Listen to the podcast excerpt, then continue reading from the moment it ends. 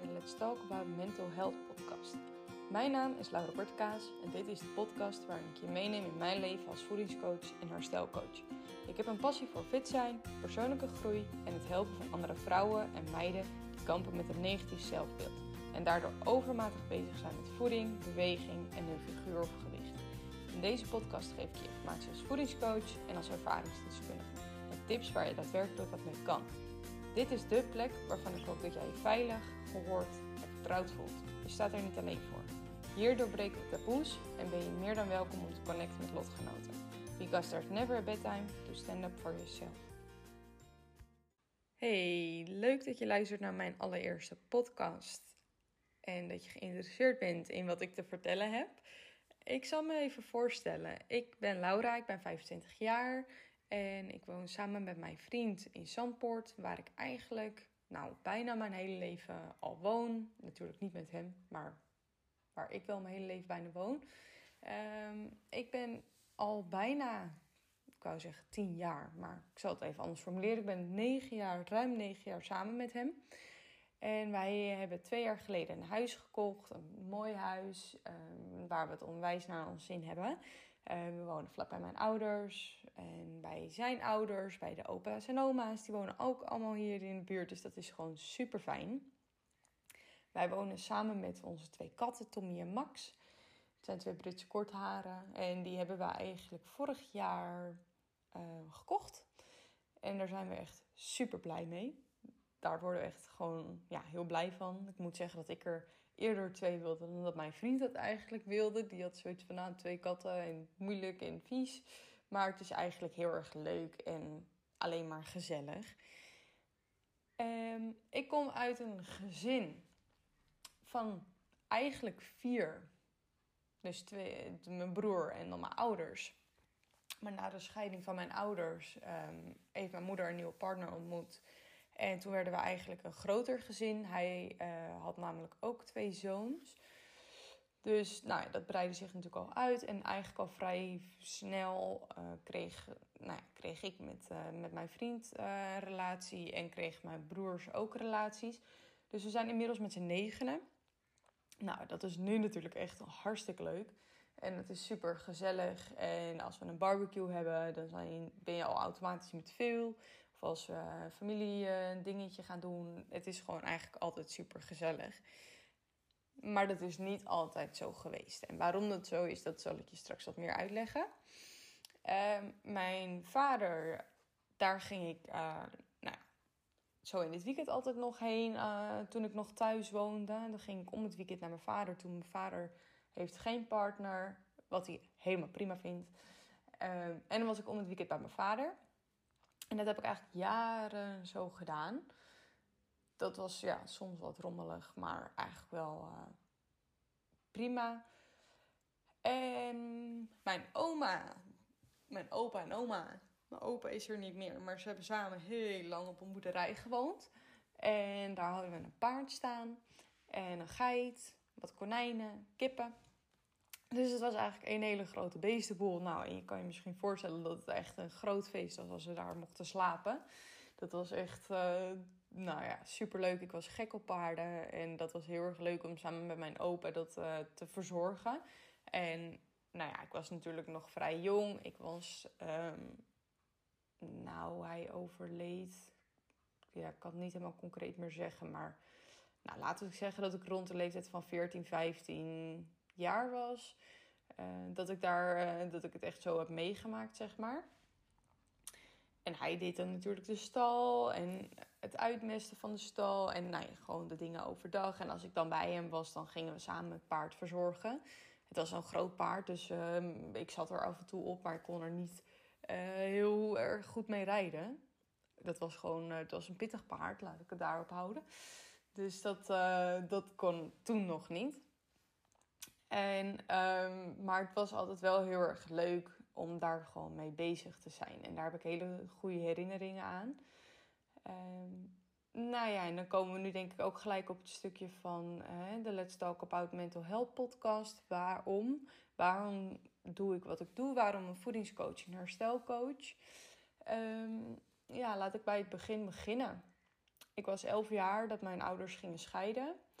En nou ja, dat, uh, ook al voel je dat wel aankomen, dat, dat is alsnog een klap. Dat, uh, daar zit geen één kind denk ik op te wachten. En daarna ben ik met mijn moeder en met mijn broer zijn we op een appartement gaan wonen. Uh, wel gelukkig in de buurt van mijn vader. En dan ging ik om het weekend nog naar mijn vader toe. En mijn moeder die ontmoette eigenlijk al vrij snel een andere partner. Nou ja, waar ze nu dan nog steeds mee samen is. Dus dat is wel gewoon super leuk. Uh, maar dat ging eigenlijk heel erg snel. En ja, wij trokken daar ook heel erg snel bij in. En dat was pittig. Um, dat kwam dus vooral omdat hij, um, nou ja, het is voor mij sowieso een nieuwe omgeving. Ik was net een beetje gewend in het appartement. Ik had heel erg veel moeite al met de scheiding. En ik was net op een leeftijd, nou ja, dat ik um, mijn basisschool aan het afronden was. En me klaar aan het maken was voor de middelbare school. Waar ik al eigenlijk al heel erg tegen opzag. Ik had namelijk een advies gekregen om basiskader te gaan doen. Uh, omdat ik mijn CITO-toets had verpest. En ik had dus keuze uit twee scholen. En ik wilde eigenlijk naar allebei die scholen niet toe. Het was gewoon totaal niet waar ik mij op mijn gemak voelde. Maar ik moest een keuze maken. En dat had ik dus ook gedaan. Dus ik was naar, de, naar een school in Haarlem toe gegaan. En ik had besloten om dan daar uh, ja, mijn studie te gaan doen. En nou ja, we trokken dus um, bij hem in. En ja, het huis was er natuurlijk ook nog niet helemaal op ingesteld dat er opeens een gezin bij kwam. Het was natuurlijk mijn moeder, mijn broer en ik. En ja, dat was heel erg zoeken eigenlijk. Um, ja, naar mijn plek, laat ik het zo zeggen. En um, ik ging dan om het weekend nog naar mijn vader toe. En dat was ook altijd wel lastig. Ik had heel erg last van heimwee. Dus nou ja, de weekenden waren behoorlijk pittig, laat ik het zo zeggen. En um, ja, ik merkte dat toen ik naar de middelbare school ging, dat het eigenlijk alleen maar onrustig werd. Dat ik me, me minder op mijn gemak begon te voelen. En misschien kwam dat ook wel. Um, ik werd eigenlijk al vrij snel gepest op de middelbare school. En dat begon eigenlijk al in de tweede week. Dat ik, uh, ik had net een week erop zitten dat je iedereen een beetje leert kennen, dat je je klas leert kennen. En toen na een week was het, uh, kreeg ik naar mijn hoofd, nou je bent veranderd en je bent jezelf niet. En nou ja, wie ben jij nu? En toen dacht ik, ja, nou ja, kijk, je wordt natuurlijk in eerste instantie overdonderd van dat mensen dat tegen je zeggen ik ben totaal zelf niet zo. Ik uh, kan me niet echt voorstellen waarom je mensen zo zal treiteren. Uh, maar goed, daar is iedereen natuurlijk anders in. Maar ik was al gewoon onzeker. En door de hele situatie van, van thuis was het natuurlijk wat instabiel. En nou ja, dat uh, was, was lastig. En ik dacht alleen maar, ja, maar hoe kan je nou zeggen dat ik veranderd ben als ik pas hier een week ben? Dan, je kende me vorige week gewoon nog niet goed genoeg om te zeggen dat je me kent. Nou ja, dat ging maar door en dat is eigenlijk uh, drie jaar lang zo geweest. En dat ik best wel, ja, uh, met heel veel uh, moeite naar school toe ging. Ik voelde me gewoon niet op mijn gemak en ik voelde me gewoon anders dan de rest. En ik was heel erg streberig. En ik dacht, ik wil alleen maar goede cijfers halen. En ik wil hier weg. En ja, mijn best doen en luisteren. En bepaalde normen en waarden. En die miste ik daar heel erg. En ik durfde dat eigenlijk niet te uiten. Dus ja, wat gebeurt daar dan? Dan kom je, loop je ook tegen jezelf, denk ik, aan. En dat resulteerde er ook in dat uh, er wonen natuurlijk ook een paar meiden die wonen hier in Velsenbroek. Dat is bij ons een dorpje daarnaast, dus konden we mooi samen fietsen. Maar dat ik dan altijd achter fietste of dat er dan opeens sneller gefietst werd. Um, dat je dan weer alleen was of dat er niet op je gewacht werd. En zo was er eigenlijk altijd wel wat. En zo ging dat natuurlijk ook op school. Op een gegeven moment was het ging ik met zoveel misselijkheid en tegenzin naar school dat, ik, dat het me niet meer lukte om te ontbijten. En eigenlijk in deze periode, dit was al in de eerste klas, toen werd mijn opa ziek. En met mijn opa had ik dus een onwijs goede band. En die werd ongeneeslijk ziek.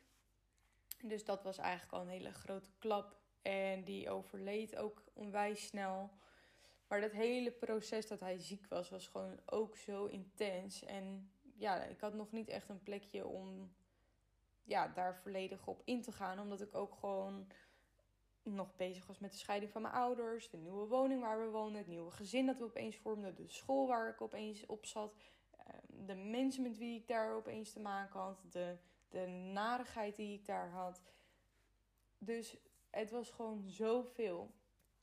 En ja, dat het me soms niet lukte om te ontbijten. En dat mijn moeder dan zei: Lau, nou, weet je, dan eet je een half broodje of dan eet je wat later. Maar ik wil dat je dan wel voor een bepaald tijdstip ontbijt of wat gegeten hebt. Nou, dan je prima. Nou, en dan ging ik weer huilend naar school en, en met volle tegenzin.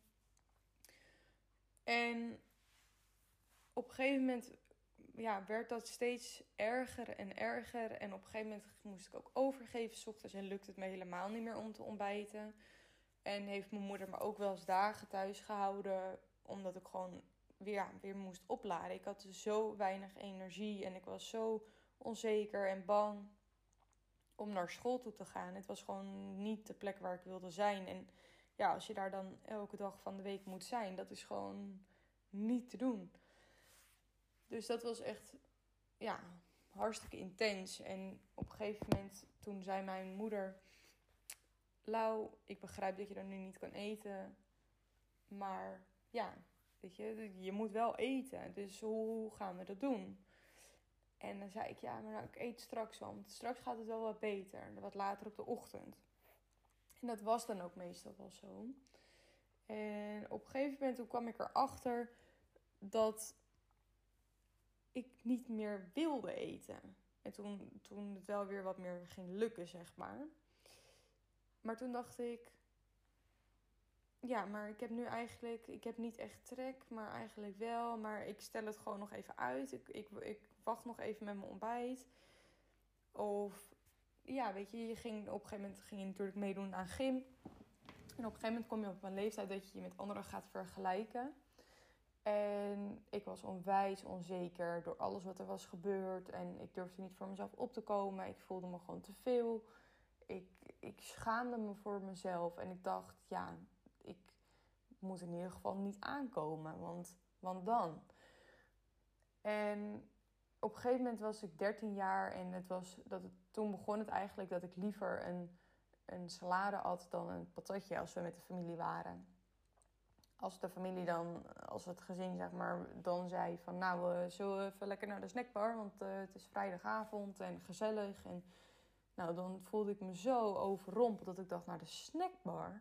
Nou, ik snapte er helemaal niks van. En dat waren eigenlijk de eerste signalen dat, dat het eten een ding ging worden bij mij. Maar waar ik zelf nog niet helemaal van bewust was. Ik dacht alleen maar, ja, ik vind het gewoon niet gezond. Het is niet gezond. Dus het is gewoon zo. Ik was daar heel zwart-wit in. En uh, mijn broer die zei op een gegeven moment, die sloeg met zijn hand op, uh, op het keukeneiland. En die zei, Lau, ga eens even lekker naar de McDonald's. Prop je eens even lekker vol. En laat je eens gewoon helemaal lekker gaan. En toen dacht ik, ja, maar dat, dat, dat, dat, dat kan niet. Want ik moet gezond eten en ik, ik wil het ook gewoon niet. En ik voelde me eigenlijk heel erg betrapt en heel erg aangevallen. En ja, ik merkte gewoon dat ik echt voor geen mogelijkheid dat, dat patatje wilde gaan eten. En als ik dat dan wel deed, dan voelde ik me daarna zo schuldig en lullig. Dat, en dan, dan moest ik daarna ook gewoon wat meer bewegen.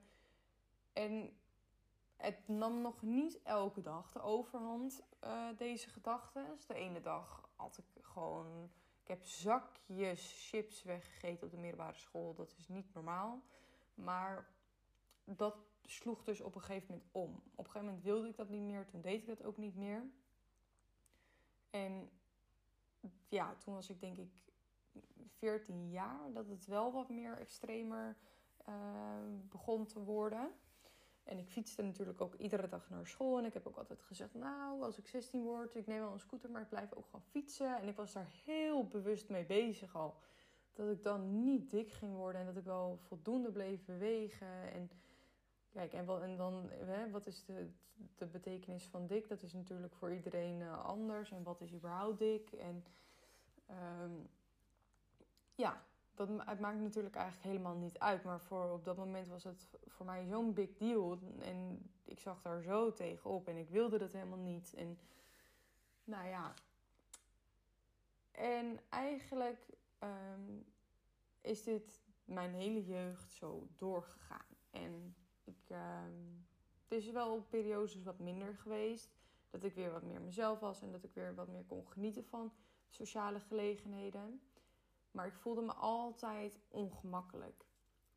Ik voelde me altijd anders dan de rest. Ook thuis. En ik voelde me altijd te veel en opgelaten. En ik schaamde me gewoon zo erg. En ik dacht, ja, als ik dan ook nog ga zitten eten, wat, wat moeten ze dan wel niet van me denken? En daardoor werd ik eigenlijk, keerde ik heel erg in mezelf. En ik ben sinds die pesterijen um, dat vergeet ik te zeggen, maar ben ik eigenlijk al vrij snel in, uh, in therapie gegaan. Bij een psycholoog heb ik daarvoor gezeten. En die probeerde mij een beetje er doorheen te leiden van, hè, van het pesten en hoe ga ik daar nou mee om. En ja, weet je, op dat moment ben je nog zo jong en ik denk niet dat je precies weet hoe je dan met therapie om kan gaan. Maar ik ben altijd vrij open, dus ik gaf dan gewoon heel duidelijk aan ja, hoe het was en hoe ik me voelde heb niet het idee dat ik dan daar heel veel uitgehaald had. Misschien dat ik er niet bewust mee bezig was na de therapie, om het maar zo te zeggen. Maar naarmate ik dus wat ouder werd, bleef dat negatieve gevoel maar de overhand bij mij houden. En ben ik op een gegeven moment opnieuw in therapie gegaan. En dat was al bij, een, uh, bij de basis GGZ. En ja, dat, dat was al wel wat meer wat bij mij paste. Dat ging wat meer de diepte in. En daar zijn we eigenlijk vrij snel gestart mee met EMDR. En dat kwam eigenlijk ja, door alle gebeurtenissen die zich hadden voorgedaan. Van de scheiding van mijn ouders en het samenwonen met het nieuwe gezin. Um, mijn opa en de pesterij op school. En dan ja, hebben we het nog niet eens gehad over um, de stress die we in het gezin ervaarden. Omdat eigenlijk vlak na het overlijden van mijn opa ook de moeder van mijn stiefvader um, ja, heel erg achteruit ging en ze vrij snel overleed. Dat hadden we ook. En um, toen ik 15 jaar was, werkte ik uh, in een restaurant. En mijn bazin, vrij jong, met een jong kindje ook, die uh, overleed plotseling. Ehm, ja, op een feestje. Dus dat was allemaal zo intens. Want nou ja, toen ging, ja, had ik opeens heel veel begrafenissen. En ja, ik was nog zo jong. En eigenlijk bij de basis GGZ hebben we het daar heel erg over gehad. En hebben we daarvoor ook EMDR dus gedaan. Maar ja, naarmate je dus al die dingen meemaakt, bouw je ook een soort schild om je heen. Van als niemand mij maar breekt. Als niemand maar te dichtbij komt en maar niet te veel vraagt. Dus dat EMDR, um, ehm, als, ik kijk er ook op terug van, het is denk ik heel erg waardevol. Of die EMDR, ik heb namelijk vaker EMDR gedaan. Maar als we het even hebben over die EMDR, dan denk ik, ja, het was heel erg waardevol. Maar ik heb me er niet genoeg voor opengesteld. Ik was er nog niet klaar voor om dat moment echt naar binnen toe te keren en echt even in te checken bij mezelf. En ik zou eigenlijk iedereen die um, ja, aan EMDR of EMDR volgt, zeg maar, doet, uh, adviseren om het wel te doen. Omdat ik heb later nog een keer EMDR gedaan en daar was ik dus wat ouder. En daar heb ik me volledig aan overgegeven en dat heeft mij onwijs geholpen. Het was heel intens, maar het is het wel heel erg waard. Um, maar om weer even terug te gaan naar dat ik dus um, 15, 16 was toen um, is het denk ik even wat rustiger geweest qua eten. Maar toen was ik 16, 17 en toen begon ik eigenlijk met sporten. En toen ging ik een beetje bodypumpen. En toen op een gegeven moment dacht ik, hmm, laat ik anders ook gewoon eens even ja, op mijn voeding gaan letten. Ik wilde gewoon wat kilo's kwijt. Ehm, ik, uh, ik wilde van mijn onderbuikje af. Ik wilde gewoon wat strakker zijn. Ik wilde niet zoveel zijn. Ik voelde me te veel. Ik was te grof, ik was te groot. Ik was gewoon niet wat ik moest zijn. En ik dacht, als ik op mijn voeding let, dan, dan gaat het helemaal prima. En ik had eigenlijk een hekel aan sport. Ik was altijd moe. Ik had er geen zin in. Ik vond het vermoeiend. Ik werd er nog moeier van dan dat ik al was. Het kostte me tijd. Ik had er de, het geduld niet voor. En ik werd er eigenlijk alleen maar opgefokt van. En toch zeiden mensen om me heen: Lau, hou het nou eens vol. Want sporten is gewoon goed voor je. En het doet, het doet je ook goed.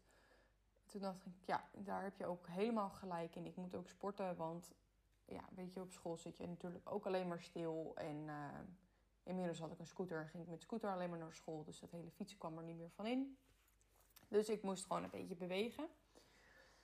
En ik merkte dat, dat het niet zo snel ging als dat ik wilde, het afvallen. Dus ik werd wat strenger daarin voor mezelf. En dat, dat begon met dat ik meer ging sporten. Vaker ging sporten en intensiever ging sporten. Ik wilde namelijk een strakke buik. Ik wilde wat, wat gespierdere armen. Het hoefde niet heel gespierd, maar zeker wel gevormd. Ik stelde daarin hele hoge eisen aan mezelf. En eigenlijk onbewust. En ja, eigenlijk in de loop der jaren werd dat alleen maar erger. En is voeding iedere dag weer een hele grote ja, struggle geweest. Elke keer was het lastig als ik wat ging eten. En als ik weer opnieuw ja, naar sociale gelegenheden ging. En toen ik twintig was, dus eigenlijk is het, in, best wel stabiel gebleven tussen mijn 16 en de 20, in, in mijn 20. Ik ben heus wel een keer wat uh, richting het ondergewicht gegaan. En dan zeiden mensen weer, Lau, moet je niet een beetje opletten? En toen dacht ik, ja, nou ja, je hebt ook gelijk. Maar ja, dat, nam nooit hele extreme vormen aan, want ik kon mezelf altijd wel weer herpakken. En toen ik twintig was, toen studeerde ik af. Ik heb verpleegkunde gestudeerd. Toen studeerde ik af en toen ging ik werken in het ziekenhuis. En daar ging ik als uh, ja, verpleegkundige op afdeling chirurgie werken.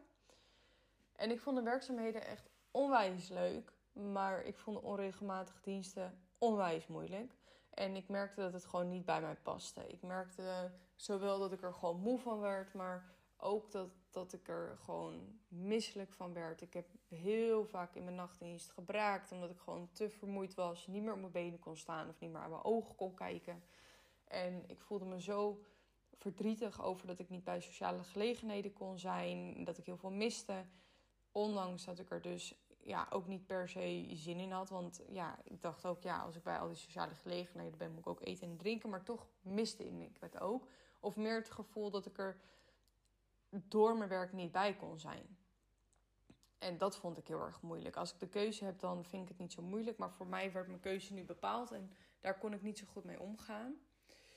En ik merkte daarnaast dat ik nog wat miste qua uitdaging. En normaal had ik natuurlijk mijn stage en mijn studie, moest ik allemaal opdrachten doen. En ehm, ja, dan was je heel erg druk bezig. En als je eenmaal gaat werken, dan heb je niet meer opdrachten, dan hoef je niet meer naar je studie. Dus er valt best wel dan opeens een groot gat. En omdat ik dus ja, heel erg bezig was met, met voeding en met fitness, had ik besloten om een thuisstudie te gaan doen. En dat waren twee thuisstudies. Eentje was als voedingscoach en eentje was als zelfstandig voedingscoach. En daarna ja, ben je dus voedingscoach en mag je mensen helpen bij, uh, bij hun voeding uh, en daar adviezen over geven. En daarna wist ik eigenlijk zoveel over voeding dat ik me steeds meer bezig ging houden met voeding op een andere manier. Dat ik dus allerlei dingen ging proberen, uh, boeken ging lezen erover, diëten ging proberen, methodes ging uitproberen. En het liefst allemaal tegelijk. Het was ook nooit dat ik één ding tegelijk ging doen. Ik ging nooit alleen maar koolhydraatarm eten. Nee, ik deed koolhydraatarm en intermittent fasting. Dus, en daar ging het denk ik ook, ehm, daar is het denk ik misgegaan. Mijn, een hele goede vriendin van mij ehm, overleed plotseling toen ik 20 jaar was. Ik ben met haar opgegroeid. Het was een onwijze, ja, onwijze klap, hartstikke pittig geweest. En als ik zoiets meemaak, dan word ik daarna gewoon niet lekker. Ik word heel erg misselijk van de stress. En daardoor val ik automatisch af omdat ik minder eet. Maar naarmate het dan ietsjes beter gaat of de stress ietsjes afneemt, ja, zou je ook weer wat meer eetlust krijgen. En dat gebeurde bij mij ook. Maar op mijn twintigste werd dat een beetje een ding. En toen had ik zoiets van: ik kan ook gewoon mijn eten even uitstellen. Of ik eet even wat minder. En dat ik eigenlijk merkte dat ik niet, niet op mijn voedingspatroon meer wilde oppakken. En dat ik dat heel erg moeilijk vond. En dat, ja, ik ging daar verder ook niet echt tegen in. Ik liet dat eigenlijk gewoon gebeuren. En dat is dus opnieuw een punt geweest dat ik best wel ver ben gezakt in mijn gewicht. Ehm, en dat mensen tegen mij begonnen te zeggen: Lau, je bent zo afgevallen. En nou ja, we weten dat je gezond, of, ja, van gezond eten houdt en bezig bent met fitness. En dat je dat belangrijk vindt om fit te zijn. Maar er is ook een grens. En toen dacht ik altijd: ja, maar waarom zeg je dat? Want inderdaad, ik ben gewoon, ik vind dit gewoon leuk en laat me gewoon lekker. Ik weet wat ik doe, ik weet alles over voeding. Uh, bemoei je er niet mee. Maar eigenlijk was dat natuurlijk helemaal niet zo. En eigenlijk ging het helemaal niet goed. En ja, had ik iemand nodig die dat tegen mij zei. Maar op dat moment was ik nog zo in de ontkenningsfase dat het niet goed met mij ging. En dat ik te veel met mijn figuur bezig was. Ik was altijd aan het checken in de spiegel hoe ik eruit zag. Of mijn kleding wel uh, bij, me, bij me stond. Of ik het wel aankon. Ik, ik verafschuwde mezelf gewoon. Ik kon gewoon niet naar mezelf kijken en denken: je ziet er leuk uit, Lau, vandaag. Of je mag er zijn. Of mensen vinden het leuk als je er bent. Ik had gewoon nog altijd het gevoel dat ik niet leuk genoeg was. En dat ik niet goed genoeg was. En ja, dat, dat ik het niet. Sommige dingen niet verdiende. En dat is misschien. Uh, ik denk dat het, dat het gevoel van dat ik niet goed genoeg was. de grootste oorzaak is geweest van mijn hele e-probleem ik dacht altijd maar, als ik slanker ben, dan, dan waarderen mensen me tenminste. Dan vinden mensen me leuk, dan vinden mensen me goed genoeg. Dan denken mensen dat ik gedisciplineerd ben, dat ik zelfverzekerd ben, dat ik er misschien goed uitzie. Maar eigenlijk merkte ik, als ik er nu over nadenk van hoe licht ik ook ben geweest... Ik heb het gevoel nooit gehad. Ik ben nooit zelfverzekerder geweest. Ik ben altijd intens ongelukkig geweest. En toen ik wat ouder was, dat ik ehm, denk 23. Toen woonde ik met mijn vriend. Mijn moeder verhuurde namelijk haar appartement waar wij hebben gewoond nadat mijn ouders waren gescheiden. En daar ben ik met mijn vriend gaan wonen. En daar ging het eigenlijk heel erg achteruit. En daar ging ik nog meer sporten, nog harder en ehm, nog minder eten. En dat, daar begon ik ook met intermittent fasting. En dat houdt in dat je een, een eetwindow hebt. Dus dat je binnen een bepaalde, bepaalde tijden mag je eten. Dan eet je 8 uur wel en 12 uur niet. Zeg ik dat nou goed? 16 uur. Nou ja, dan gaat het er in ieder geval om. Dan eet je bijvoorbeeld tussen 11 en 7. En um, op een dan, dan was het de bedoeling dat je heel groot gaat ontbijten. Dus dat je wel aan je calorieën houdt, maar dat je al je calorieën in die periode, in, die, in dat tijdsbestek stopte. En dat deed ik eigenlijk, ja, toen zei ik, ja, maar dat is beter voor mijn darmen. Ik had altijd onrustige darmen, opgeblazen buik. En uh, dat ik zei van, nou, als ik dan niet eet, dan uh, ja, zijn mijn darmen gewoon wat rustiger. En uh, dat, dat, doet mijn lichaam gewoon veel beter. Nou, dus, um, en op een gegeven moment nam dat zulke, ja, rare wendingen aan dat ik mijn ontbijt ging ik steeds verder uitstellen. Dus in plaats van dat ik om 11 uur ging eten, ging ik om 12 uur eten. Of om half 1. Dan at ik gewoon met mijn collega's mee met de lunch. Of um, dan sloeg ik mijn tussendoortje over. Of ik ging mijn tussendoortje verkleinen. Nou ja, op een gegeven moment uh, zat ik zeer en zeer laag in mijn calorieën. En ik ging dan het liefst op een uh, nuchtere maag sporten. Dus dat deed ik dan altijd in de ochtend.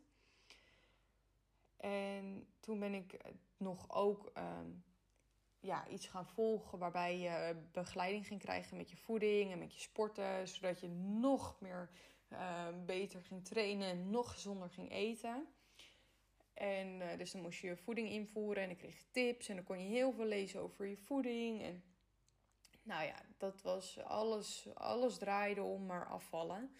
En dat lukte toen ook eigenlijk verdomd goed. Ik viel heel veel af en zonder mensen zagen het wel, maar die dachten nog steeds: joh, Lau houdt gewoon van lekker gezond eten en van bewegen. En omdat ik best wel mijn eigen wil heb, mijn eigen mening, um, ja, was het misschien ook lastig om mij daarop aan te spreken. Er waren heus mensen die dat deden, maar ja, ik stond er niet voor open, dus ik gaf gewoon een weerwoord terug. En uiteindelijk, ik sportte bij een kleinschalige sportschool. En op een gegeven moment toen spraken zij mij aan. Van Lau, kan je even met ons mee of kan je even met mij meelopen? Het was eigenlijk één iemand, was de eigenaar. En ik had wel gewoon vaker contact. En dat ik dacht, ja, tuurlijk loop ik met je mee. En nou ja, helemaal prima. En toen werd er aan mij gevraagd, gaat het wel goed? Um, ja, of hoe gaat het? En toen dacht ik, ja, um, het, het gaat wel goed. En ik merkte een beetje aan de sfeer dat ik dacht: hmm, volgens mij zie jij dat het niet echt goed gaat. Maar ik voelde me ook nog niet echt op het punt om dat te benoemen. En toen zei hij: Maar weet je het zeker? En toen dacht ik: Kijk jij nou door mij heen? Het was, kijk, mensen kunnen aan je vragen hoe het gaat. Maar mensen kunnen ook echt vragen hoe het met je gaat. En dit was echt vragen hoe het met me gaat. Dus ik brak eigenlijk echt direct. Ik was ook zo moe, want ik was inmiddels best wel veel kilo afgevallen. Ik had heel weinig voedingsstoffen in mijn lichaam. Ik kon eigenlijk niet meer. En dat werd gezien. Dus um, we hadden het erover hoe het dan ging. En toen kwam eigenlijk het hele, hele verhaal kwam naar boven. Ehm, dat, ik, dat het niet goed met mij ging. En dat ik moeite had om te eten. En dat ik alleen maar bezig was met sporten. En toen gaf hij ook aan van ik heb het idee dat je hier wel, nu wel zit, maar je bent er niet. Ik praat wel tegen je, maar je kijk, je, ik kijk dwars door je heen. Uh, je ogen zijn, zijn hol. Um, je huid is wit en dof. Uh, ja, je, je bent er gewoon niet. Jij bent dit niet. Um, nou, hij kon mij ook heel goed vergelijken met toen ik daar kwam. Want toen was mijn gewicht gewoon nog gezond. Toen zegt hij ook, je bent niet te vergelijken met hoe je eruit zag. En toen hebben we eigenlijk heel erg goed gepraat. En ik vond het heel erg confronterend. Omdat hij de eerste was met wie ik het erover had. En ja, ik heb het er wel eens natuurlijk met mijn vriend over gehad. En die merkte ook heus wel dat, dat het soms extreme hè, aannam. Maar qua voeding en bewegen. Maar het is best wel lastig als je er zo bovenop zit om denk ik precies te peilen hoe, hoe, de, ja, hoe het ervoor staat. Als iemand er ook niet echt open over is. Maar ik was nachtenlang mijn ribben aan het tellen. Aan mijn buik aan het voelen. Aan mijn tricep aan het voelen. Aan mijn, aan mijn been aan het voelen. Hoeveel vet er zat. En of ik wel niet dikker was geworden dan gisteren.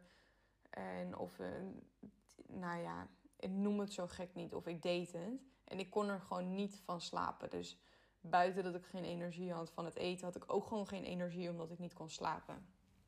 En als ik dan s'nachts naar het toilet moest, dan moest ik gewoon eerst gaan zitten. En nou ja, dan nog, als ik ging staan, was ik zo intens duizelig dat ik gewoon bijna flauw viel. Omdat ik gewoon, ja, er zat niks meer in mij. Ik was gewoon uitgehongerd. En ja, ik dronk ook altijd maar weinig. Dat heb ik eigenlijk mijn hele leven gedaan. Maar ja, op een gegeven moment heb ik dat ook bewust natuurlijk gedaan.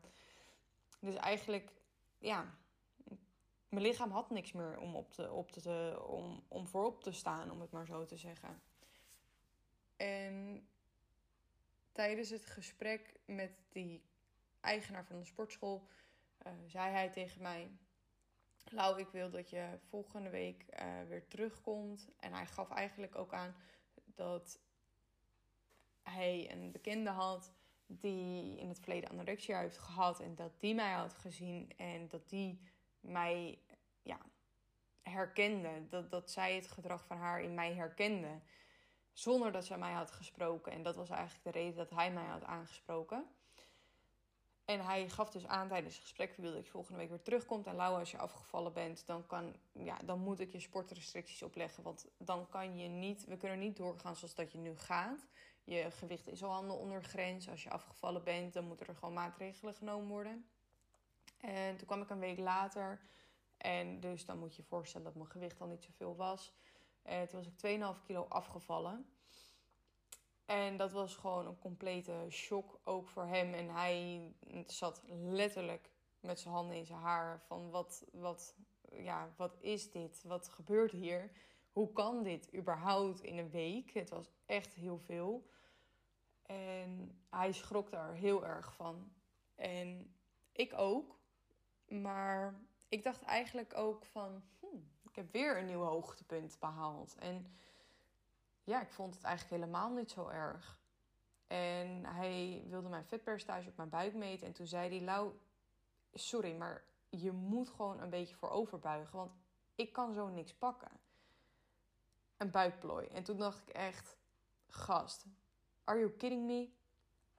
En dat zei ik ook tegen hem. Ik zei, doe even normaal. Natuurlijk kan je wat pakken. Moet je kijken. En nou, toen wat je allemaal niet kon pakken. En nou ja, kijk, als ik er nu op terugkijk, dan denk ik, ja, je, je kon helemaal niks pakken. Er zat niks anders dan bot en uh, huid. Maar ik was er gewoon heilig van overtuigd van, wat zeg jij nou? Jij neemt mij hier in de maling en ik geloofde gewoon niet wat hij zei. En ik zag mezelf ook zo niet. Ik schaamde me zo voor wie ik was. En ik vond het zo ongemakkelijk om mijn vetpercentage te laten opmeten. Maar ja, kijk, en ik wou zeggen van, maar het moest. Maar het moest natuurlijk niet zo. Kijk, hij is eigenaar van de sportschool, maar ergens wist ik dus wel van dat wat ik aan het doen was niet helemaal gezond was. We hadden een heel diep gesprek gehad over van wat dit met mijn lijf ging doen. Ehm, als ik later, uh, ja, als ik hiermee door zou gaan. En toen dacht ik, we hadden het erover van, ik had een hele grote kinderwens, dat gaat dit in de weg staan. Hij zei: Als jij zo doorgaat, dan komen er helemaal geen kinderen. Dan kan je geen kinderen meer krijgen. En hoe ik dat dan wel niet tegenover mijn partner zou vinden.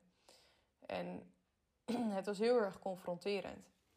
Maar ik denk wel dat het echt het juiste is geweest wat ik nodig had gehad. Ehm, ik werd echt met mijn neus op de feiten gedrukt. En dat ik ook echt dacht, ja, maar dit is inderdaad niet wat ik wil. en ondertussen was ik eigenlijk hierdoor, omdat ik zo in de greep van dit eten werd gehouden. Alles wat ik at, woog ik af. Ik at niet meer buiten de deur. Als ik met vriendinnen wat ging doen, dan ging ik lopen in plaats van wandelen. Een lunch? No way. Ehm, als ik met mijn familie ging eten, die kwamen dan bij mij eten. Ik ging niet buiten de deur eten. Familieweekenden, ik kon, het, ik kon niet mee. Mijn lichaam kon het niet aan. Dus ik, ik bleef thuis. Nou ja, en zo kunnen we wel doorgaan. Ik heb zoveel moeten laten omdat, omdat ik niet meer in staat was om dingen te doen en niet meer wilde doen. Um, ik werd er eigenlijk heel erg depressief van. En toen ben ik eigenlijk, vergeet ik bijna te zeggen, dat ik nog steeds in therapie zat. Um, bij de basis GGZ, bij dezelfde psycholoog waar ik EMDR heb gedaan, heb ik al die jaren gezeten, omdat het al die jaren niet goed ging. En wat ik al zei, de ene keer ging het beter dan de andere keer, maar het ging eigenlijk altijd niet goed. Ik was altijd verdrietig, altijd, ehm, ja, wat ik al een paar keer heb gezegd, een, ehm, het gevoel dat ik te veel was, niet goed genoeg was. En dat is de leidraad geweest van, van mijn hele jeugd. En we hebben daar eigenlijk jaren aan geprobeerd uh, te besteden uh, aan, qua therapie. En toen het dus op dat moment zo slecht met mij ging, ben ik van een basis GGZ naar een gespecialiseerde GGZ gegaan. En heb ik daar schematherapie gevolgd en opnieuw EMDR gedaan. En uiteindelijk, um, in de periode dat dus de sportschool mij begon aan te spreken, ben ik in zo'n paniekfase terechtgekomen dat ik gewoon eigenlijk niet meer wist wat ik met mijn leven moest. En dat ik dacht, als dit mijn leven is, dan, dan wil ik dit leven niet. Um, ik zag ook gewoon geen uitzicht meer. Ik dacht, het is nu al jaren dat ik me niet comfortabel voel met wie ik ben. Dat ik me ongemakkelijk voel waar ik ook ben. Dat ik, dat ik me niet mooi voel. Dat ik me niet gewenst voel. En dat het. Ehm, ik, ik kon het ook niet meer. Ik was zo moe en zo klaar om dit gevecht iedere dag weer te doen. Om iedere dag weer mijn eten af te wegen. Om het iedere dag weer in de voedingsapp te zetten. Want dat deed ik dus ook al jaren. Ik denk sinds dat ik 17 of 18 ben, een beetje sinds dat ik begon te sporten, ben ik dus in de app gaan zetten. En ik ben daar nooit meer mee opgehouden. En elke keer ging daar een beetje calorieën vanaf. En uiteindelijk natuurlijk in extreme calorieën dat daar vanaf zijn gegaan. Maar altijd heb ik dat bijgehouden, dag in, dag uit. Dus in die, in die depressie, ja, heb ik wel gesprekken gevoerd met, met, mijn, met mijn vriend. Ehm, dat waren geen leuke gesprekken. En dat, was, uh, dat waren gesprekken over waarin ik volledig in paniek was over hoe, hoe dit moest en waarom ik zo was. En ik had, ik, we woonden toch samen en ik had hem en ik had, een, ik had een vaste baan. Nog voordat ik afgestudeerd was. Waarom ben ik in vredesnaam zo ongelukkig? En ook die frustratie begon bij mij de overhand te nemen. Uh, ik snapte het gewoon niet. Ik dacht gewoon, wat ben je nou aan het zeuren? En als ik nu al niet gelukkig ben, wanneer ben ik dan wel gelukkig? Wat gaat mij dan wel nog gelukkig maken? En het werd zo'n ding in mijn hoofd. En dat dan ook nog de sportschool mij ging aanspreken. En dat ik hetgene waar ik het meest controle over had, uit handen moest gaan geven. Dat kon ik er gewoon niet meer bij hebben. Maar ergens wist ik ook, ik wil niet ja, dood. Ik wil niet een einde aan mijn leven maken. Maar dit is ook niet het leven wat ik wil. En aangezien ik al jaren in therapie zit, ja, wat gaat mij dan nog helpen? En toen heb ik even aan de medicatie gezeten. Antidepressiva. En toen werd mij gezegd: Lau, we weten nou niet of je een eetstoornis hebt doordat je een depressie hebt, of dat je zo depressief bent omdat je een eetstoornis hebt. En dat zijn wel twee hele verschillende dingen eigenlijk. En dat, want het kan natuurlijk zijn, je kan nog zo op die depressie behandelen, wat we eigenlijk jaren hebben gedaan. Maar als jij een eetstoornis hebt waar eigenlijk ja, niet naar omgekeken wordt, dan zal je depressie tot, een, ja, tot op zekere hoogte herstellen. Maar niet meer dan een bepaalde, bepaald punt. En dat punt was voor mij niet genoeg. Maar als jij een eetstoornis hebt, dan kan het wel heel erg zijn dat als je dat gaat behandelen, dat je depressie op een gegeven moment minder wordt. Want je gaat gewoon, je bent gewoon veel minder met negatieve, ja, hoe zeg je dat, een negatieve lading bezig. Ehm, dus eigenlijk na heel wat jaar therapie kwam eruit dat ik ehm, toen zei de sportschool: Lau, jij hebt professionele hulp nodig. Ik kan jou niet helpen. Jij moet gewoon een gespecialiseerd iemand hebben die jou kan begeleiden bij dit probleem.